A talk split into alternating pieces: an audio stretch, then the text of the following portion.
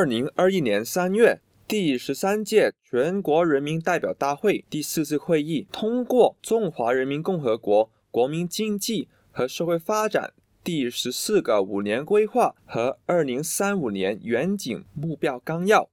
作为规划未来五年甚至十五年中国国民经济和社会发展的政策文件。“十四五”规划对有意了解中国发展。及于中国内地营商的港商而言，自然格外重要。“十四五”规划的特别之处在于加入了规划期达十五年的二零三五年远景目标，目标包括在二零三五年经济总量和城乡居民人均收入将再迈上新的大台阶，关键核心技术实现重大突破等等。虽然，二零三五年远景目标并没有提出太多明确的政策举措，但能够提高政策的可预期性。十四五时期主要目标方面，中国政府首次没有明确提出预期国内生产总值每年增长。对此，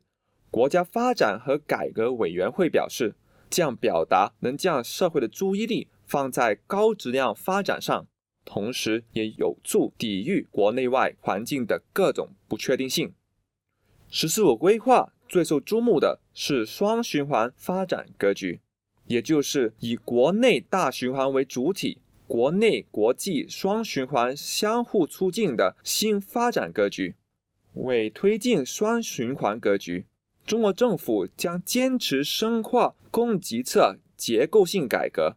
建立扩大内需的有效制度，以及坚定不移推进改革和扩大开放。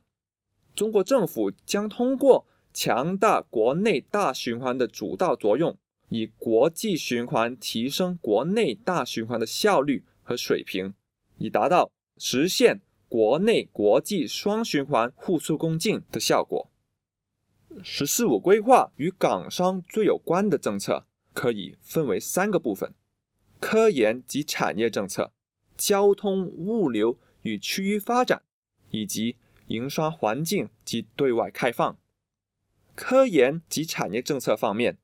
中国政府提出，2021到2025年间，预期每年全社会研发经费投入增长百分之七，基础研究经费投入占研发经费投入比重。提高到百分之八以上，这显示中国政府未来五年基础研究和科技应用并举，将会有更多政策支援企业推动新一代信息技术、生物技术、新能源以及绿色环保产业的研究和应用。十四五规划也指出，将会通过发展智能、绿色、假日消费等扩大内需。交通、物流与区域发展方面，中国政府将继续建设现代交通物流体系，包括发展一小时通勤圈、强化冷链物流设备等。另外，政府也会通过完善户籍制度，持续推动新型城镇化。营商环境和对外开放方面，中国政府将通过深化泛广服改革。降低进口关税，进一步缩减外资进入负面清单，建立跨境服务贸易负面清单管理制度等措施，改善营商环境及加大对外开放。香港在“十四五”规划下充满机遇，“十四五”规划提出不少支持香港的政策，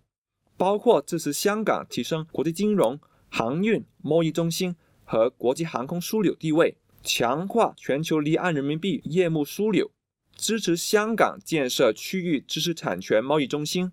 支持香港发展中外文化艺术交流中心等等。